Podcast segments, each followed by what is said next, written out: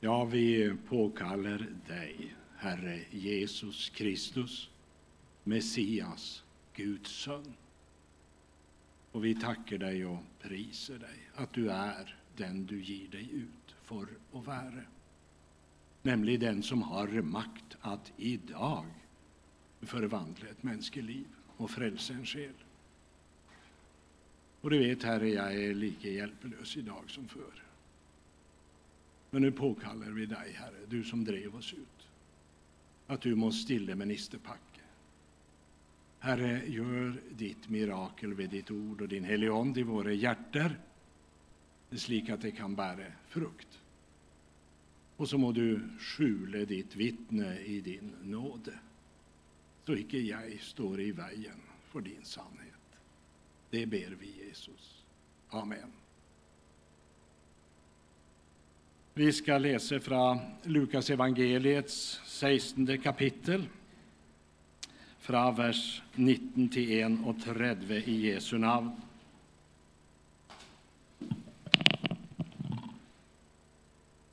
Det var en rik man som klädde sig i purpur och finaste lin och som levde var dag i härlighet och glädje. Men det var en fattig man vid namn Lazarus eh, som var lagt vid porten hans. Han var full av verkande sår. Hans önske var att få mätte sig med smulorna som fallt från den rikes bord. Men ändå hundarna kom och slicket såren hans.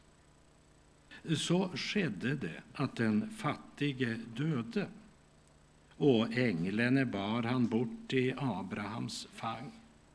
Men också den rike döde och blev begravet. Och då han slog sina ögon upp i dödsriket, där han var i pine, då ser han Abraham långt borte och Lazarus i hans fang.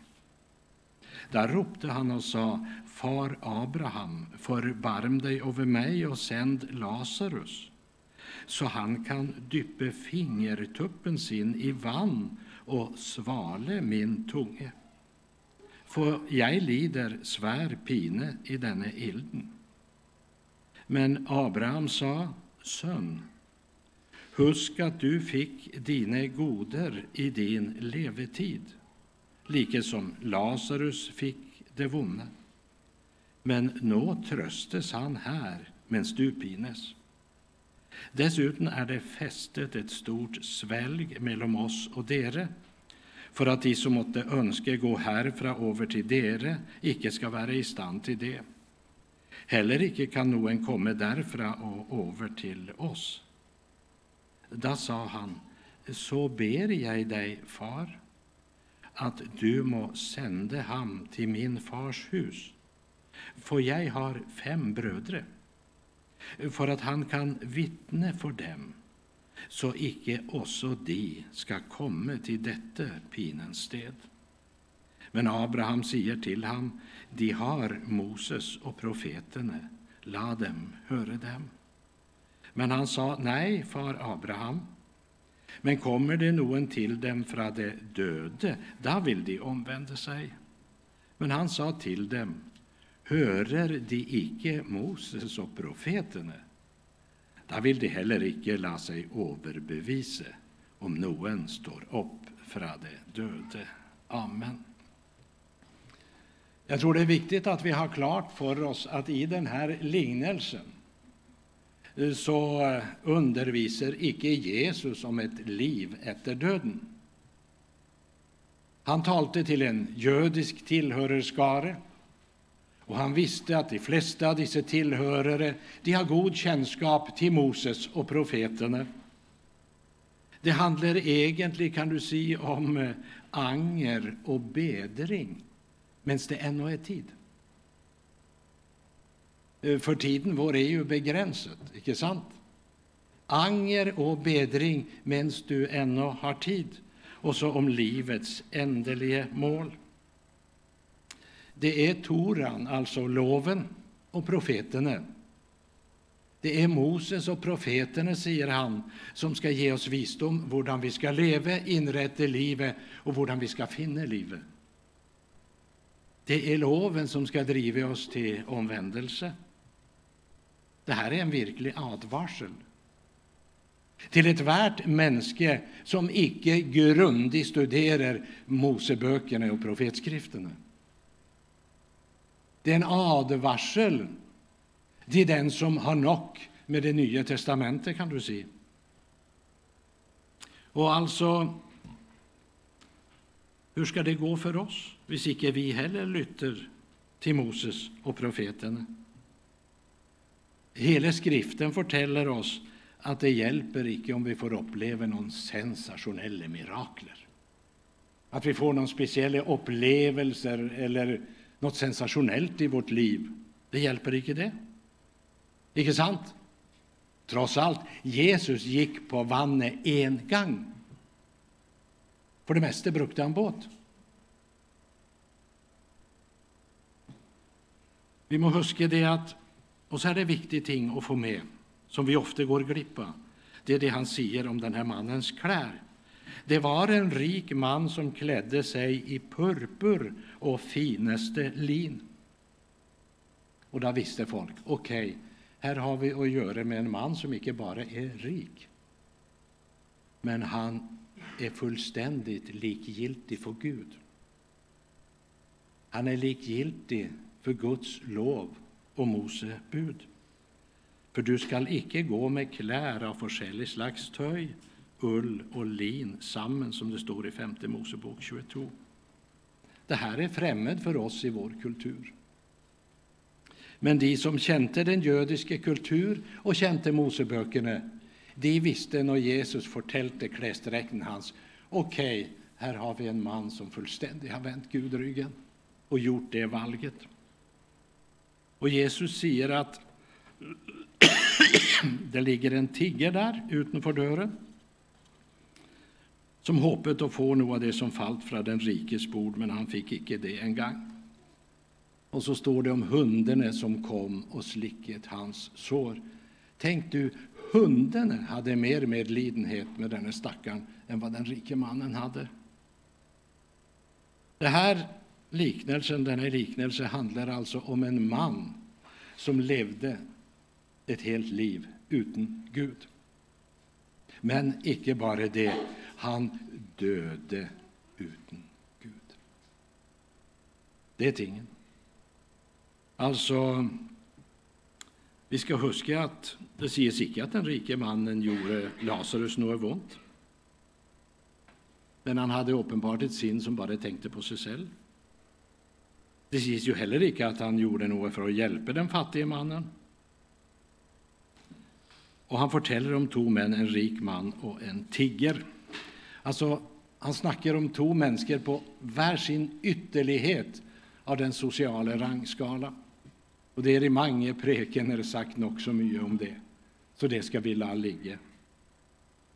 Men det vi ska stansa för det är det Abraham förkynner för den rike mannen. Alltså, för den man på vilken det nå är för sent att berga sin själ. För sent och omvände sig. Och för sent, icke minst, att visa sina bröder den rätta vägen. Och hans bön avslöjar hur förtapt han är. Fader Abraham, förbarm dig över mig och sänd Lazarus så han kan duppa fingeren sin i vann och svale min tunge. Märk dig!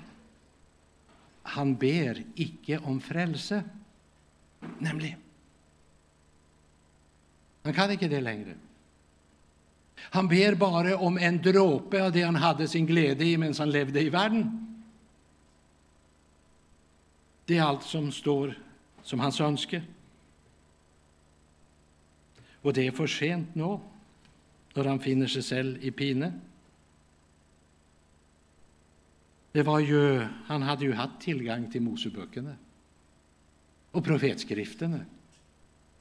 Och hade han tagit vara på det så skulle det ha visat han vägen. Men det är ju varken spännande eller intressant det Gud har att säga. Han är blind för att ordet från Gud är det sted där han får visdom. Visdom om vad som egentligen är det viktigaste i livet. Det är många ting som kan synas viktiga för oss. Och så visar det sig etterpå att det var inte så viktigt likevel. Han vill inte tro det Gud säger. Eller vi kan säga, han har aldrig varit intresserad i det Gud säger. Och han vet att det är ju inte bröderna heller. Men han önskar ju icke att de ska komma till detta pinens sted. För när man är där, då är det ju för sent. Och alltså, jag tänkte när vi blar tillbaka lite till Lukas 12. Vår eh, Herren säger till en bonde, du dåre, i denne natt ska ditt liv krävas av dig, eller din själ. Jag läser från Lukas 12, vers 16 ett stycke. Jesus förtalte dem så en lignelse och sa En rik man fick stor avling av jorden sin. Då tänkte han vid sig själv Vad skall jag göra? Jag har ju icke rom nog till att samla avlingen min i. Och han sa, detta vill jag göra. Jag vill riva ned lovebyggningen i mine och bygga större. Där vill jag samla hela min avling och mitt gods. Så vill jag si till min själ, själ, du har mycket gott liggande för många år. Slå dig till ro, ät, drick och var glad. Men Gud sa till honom, du dåre, i denna natt ska din själ krävas av dig. Det är överraskelsesmomentet. Lägg märke till ordet jag om den här rike kornbonden. Jag har ju icke rom nog till avlingen min. Jag vill samla hela min avling och mitt gods, jag, mig och mitt. Är akkurat som mannen i Lukas 16. Den rike man i Lukas 16.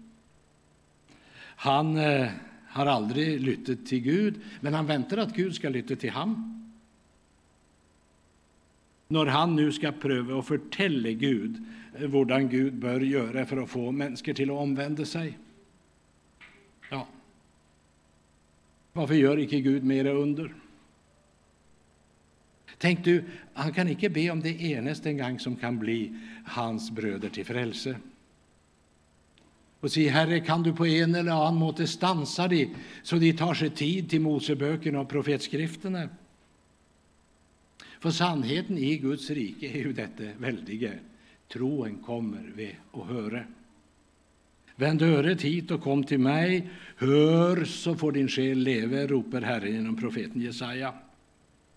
Och därför säger också Abraham de har Moses och profeterna. La dem höra dem. Och vi ska huska att det är ju faktiskt Jesus själv som här i Lukas 16 fortäller om människolivets två utgångar.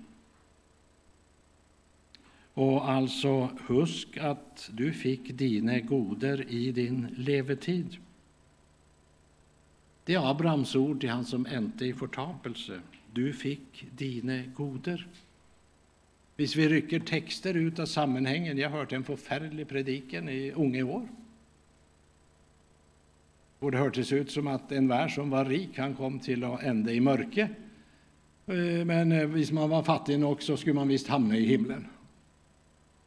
Men det är ju inte det han säger. Du fick dina goder, det vill säga det du hade av rikdom, ära och makt och härlighet, det var nog.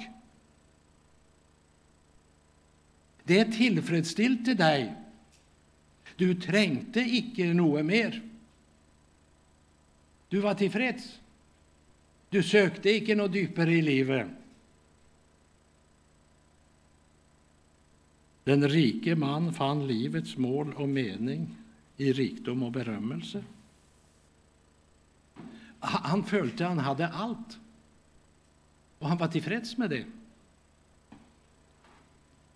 Och han var så upptatt av det att han inte spurte efter något annat. Han nöt livet och var fullkommen tillfreds. Han hade liksom funnit det människorna jagar efter, för att säga det så. Han hade uppnått det de flesta hoppar på. Det var därför han gick förtapt, icke för att han var rik. Men du ser ögonblickets lycka, ögonblickets velvære, Hjälp här och nu. Det var tingen. Han levde fullständigt i kontrast till kung David, som också var rik. Han, han var det. David säger i psalm 16.: Jag säger till Herren, du är min Herre, jag har intet gode utanför dig. Nej. Jag söker ingen tröst, ingen glädje, ingen nytelse. Jag söker ingenting som icke är till välbehag för dig, Gud. Jag söker intet utanför dig. Jag följer trang till att si så enkelt och klart jag kan. Stackars dig. Hvis du greier å finne tilfredsstillelse i det denne verden og denne jorden tilbyr.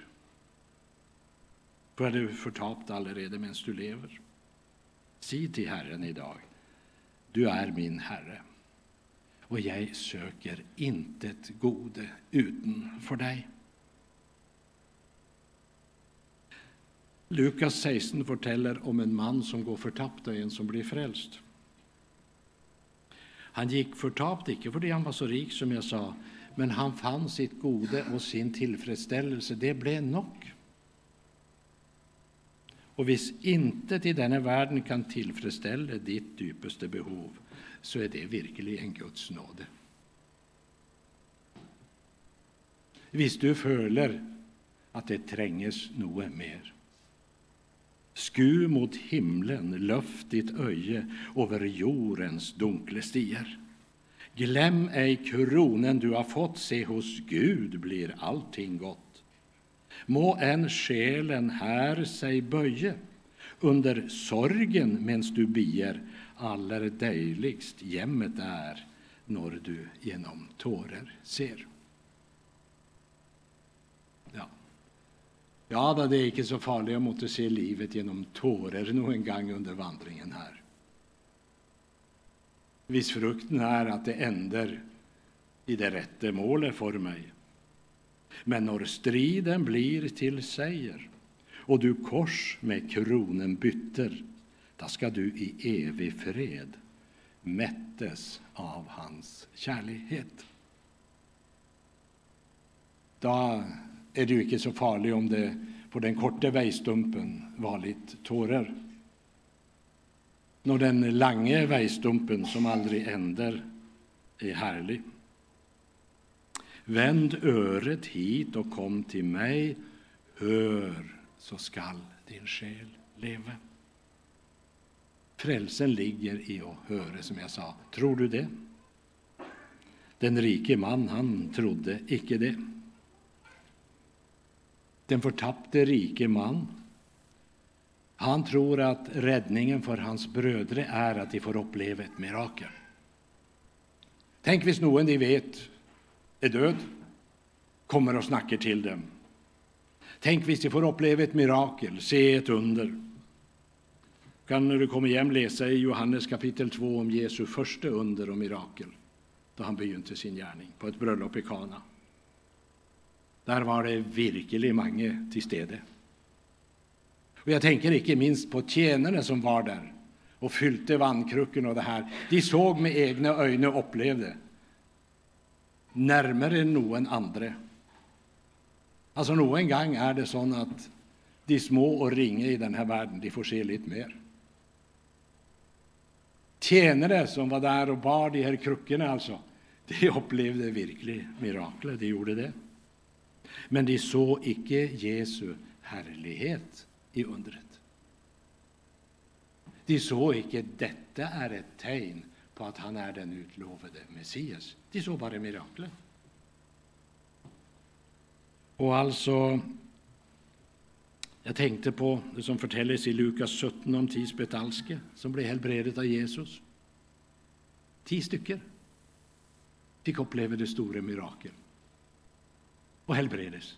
Men bara en kom tillbaka. Ja. Var det icke ni som blev renset, sa Jesus? Var det icke ti? Hvor är da de ni? Ti upplevde undret i sitt liv, en blev frälst. Alltså, det visar att undergärningar och mirakel är icke något troens bevis, som många påstår idag. Det är säkert 15 år sedan jag blev förespurt om att komma till en sigøynergøtto i fjällbygden i Bulgarien och undervisa Guds ord en uke. Och så sa han det att vi har hört att du, du, du är pastor i Transworld Radio. Ja, så jag, det stämmer det. Ja, det har vi tillit till, sa han. Kan du tänka dig att komma en uke och förkunna Guds ord, för vi har det så vanskligt, sa han. Det är så problematiskt, för det sker så mycket under. Hallå, sa jag. Är det problematiskt? Jag följer att mitt problem är att det sker så lite. Så jag lurar ibland om Gud är mitt ibland oss när det aldrig är någon stadfästelse. Nej, sa han, det har skett många under, och många är kommit till tro. Men du skönner, sa han, hvis de icke i löpet av tre månader får uppleva ett under till, så faller de ifrån. Men de som på grund av loven, profeten och evangeliet är vakt över att de är förtapte syndare och får motta frälse av nåde, de överlever krisetiderna. För de är födda av Guds ond.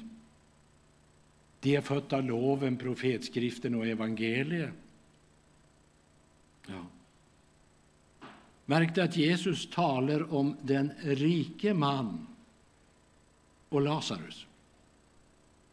sant? Han säger icke den rike man och den fattige man. Nej. Den rike mannens namn var säkert mycket välkänt i denna världen. Och i byn där han bodde trängte du icke att vite någon adress, du spurte bara efter namnet. Kanske hade han ändå eh, fått en gata uppkallt efter sig. Alla visste vem han var. Det var bara ett problem, skönner du, att i himlen har han inget namn.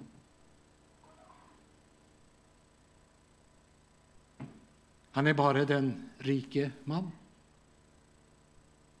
Men Lazarus namn var väl känt i himlen.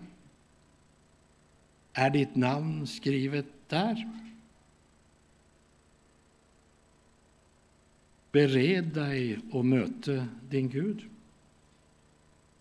Husker du ikke noe annet å preke Lukas 16 när du kommer hem. Och så si till ditt eget hjärta, Herre, hjälp mig, att denna text hjälper mig och bereder mig och möter min Gud. Och som jag sa, han gick icke förtap fordi han var rik. Och den fattige blev icke salig fordi han hade ett så hårt jordeliv. Men ser du, när de gick genom dödens port, och det ska vi alla. Jag vill också, kanske är det rättare att säga, virkelighetens port. I gamla dagar när folk reste från by till by, så hände det när de kom till en by eller till en gräns, så måtte de växla om sin valuta och då fick de veta vad det de hade var värt i förhållande till valutan dit de skulle. De, de kom till verklighetens port, så att säga. Och det gjorde dessa två, och det förändrade verkligen stillingen. Men det var bara en konsekvens av vad som bodde i hjärtena. De har Mose och profeterna, la dem höra dem. Det är mitt spörsmål.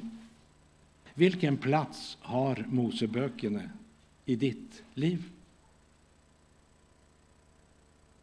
När läste du det sist? Vilken plats har profetskrifterna? Och husk att det är Jesus själv som ger denna undervisning om människolivets två utgångar. Och han säger att hvis inte vi tar vara på Moseböckerna och profetskrifterna så hjälper det inte om vi får uppleva någon mirakel i våra liv. Jag är klar över att Jesus gör mirakel också idag. Och jag måste säga, jag har sett det i mitt eget liv under de år jag hade min tjänste bak järntäpp. Men jag vill gärna säga det, det är icke miraklet jag tror på, det är han. Han som kom och gav sitt liv och försonat alla mina synder, det är han jag tror på. Och så är det upp till han när han gör sitt mirakel. Och liksom Mose upphöjet slangen i örknen, slik må människosonen bli upphöjet för att vara den som tror på ham skall ha evigt liv. Halleluja. Jag vill gärna säga det idag. Jag har evigt liv. Ja. Och jag är helt säker. För det är inte 99 procent Gud och 1 procent Kurt. Då hade jag ju aldrig kunnat vara säker. Men han som ser på ham, ja. Med glädje kan dere da tacka Faderen som gjorde dere skicket till att få del i det heliges arv i lyset. Han är den som fridde oss ut av mörkrets makt och satte oss över i sin älskade Söns rike. I ham har vi förlösningen, syndernas förlatelse. Husk det här. Har de icke Moses och profeterna, hörer de icke på de, vill de heller icke låta sig överbevisa. Jag ska läsa något. Jag ska pröva att avsluta före jul. I 2. Korinterbrevet 4 fra vers 16 läser vi i Jesu namn. Därför mister vi icke motet.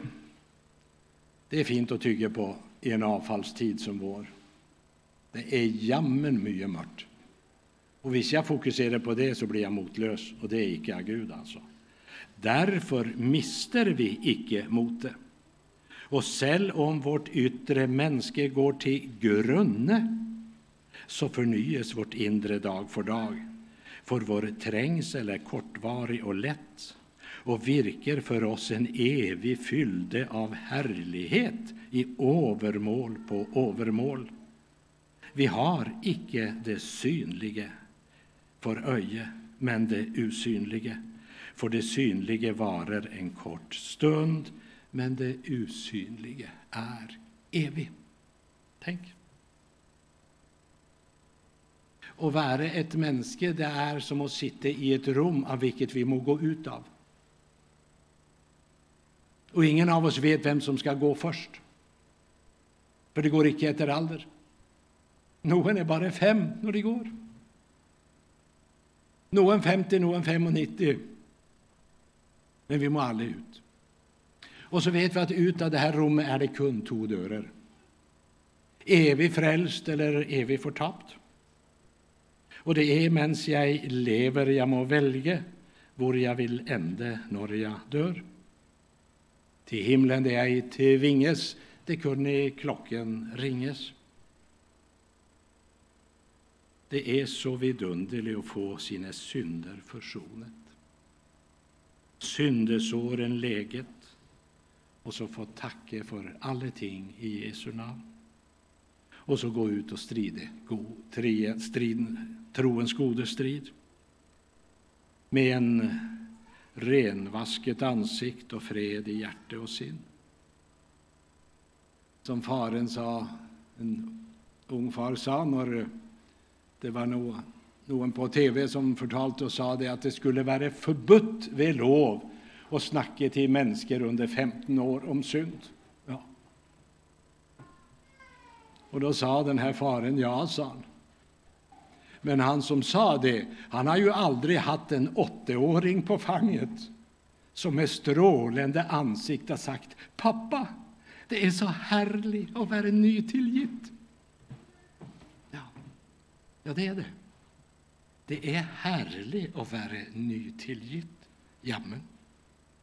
Jag spör icke om du är rik på jordisk gods eller om du är fattig.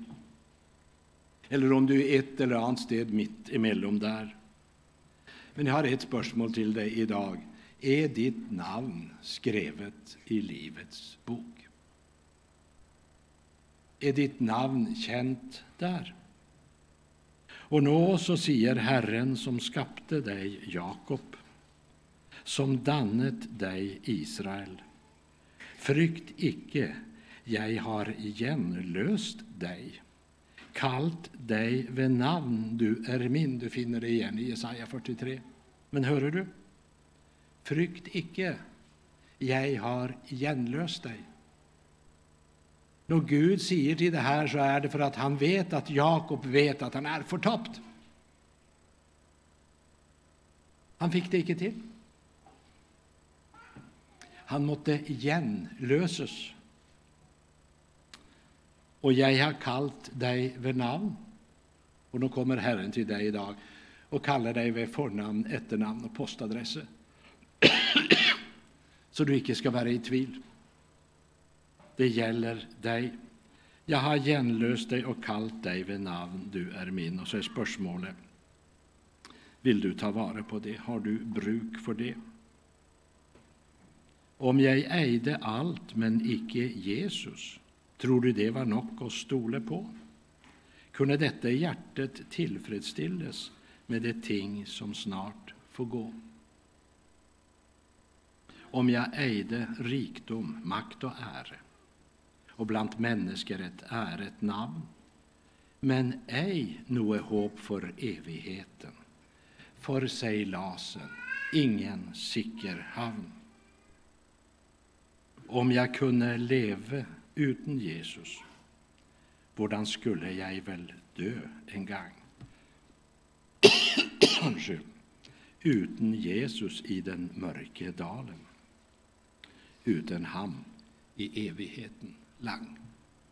Det är ett fint spörsmål att dvela vid, För det kan leda till visshet och salighet.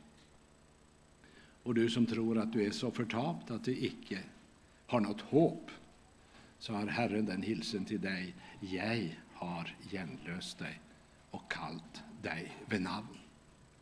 Och så är det upp till dig om du vill säga nej tack eller ja tack. Jag vaknade vaknat lite tidigt idag. Och så fick jag starta också den dagen med att säga ja tack. Ja, Herre, detta har jag bruk för. Jag har bruk för en som genlöser mig och kallar mig vid namn.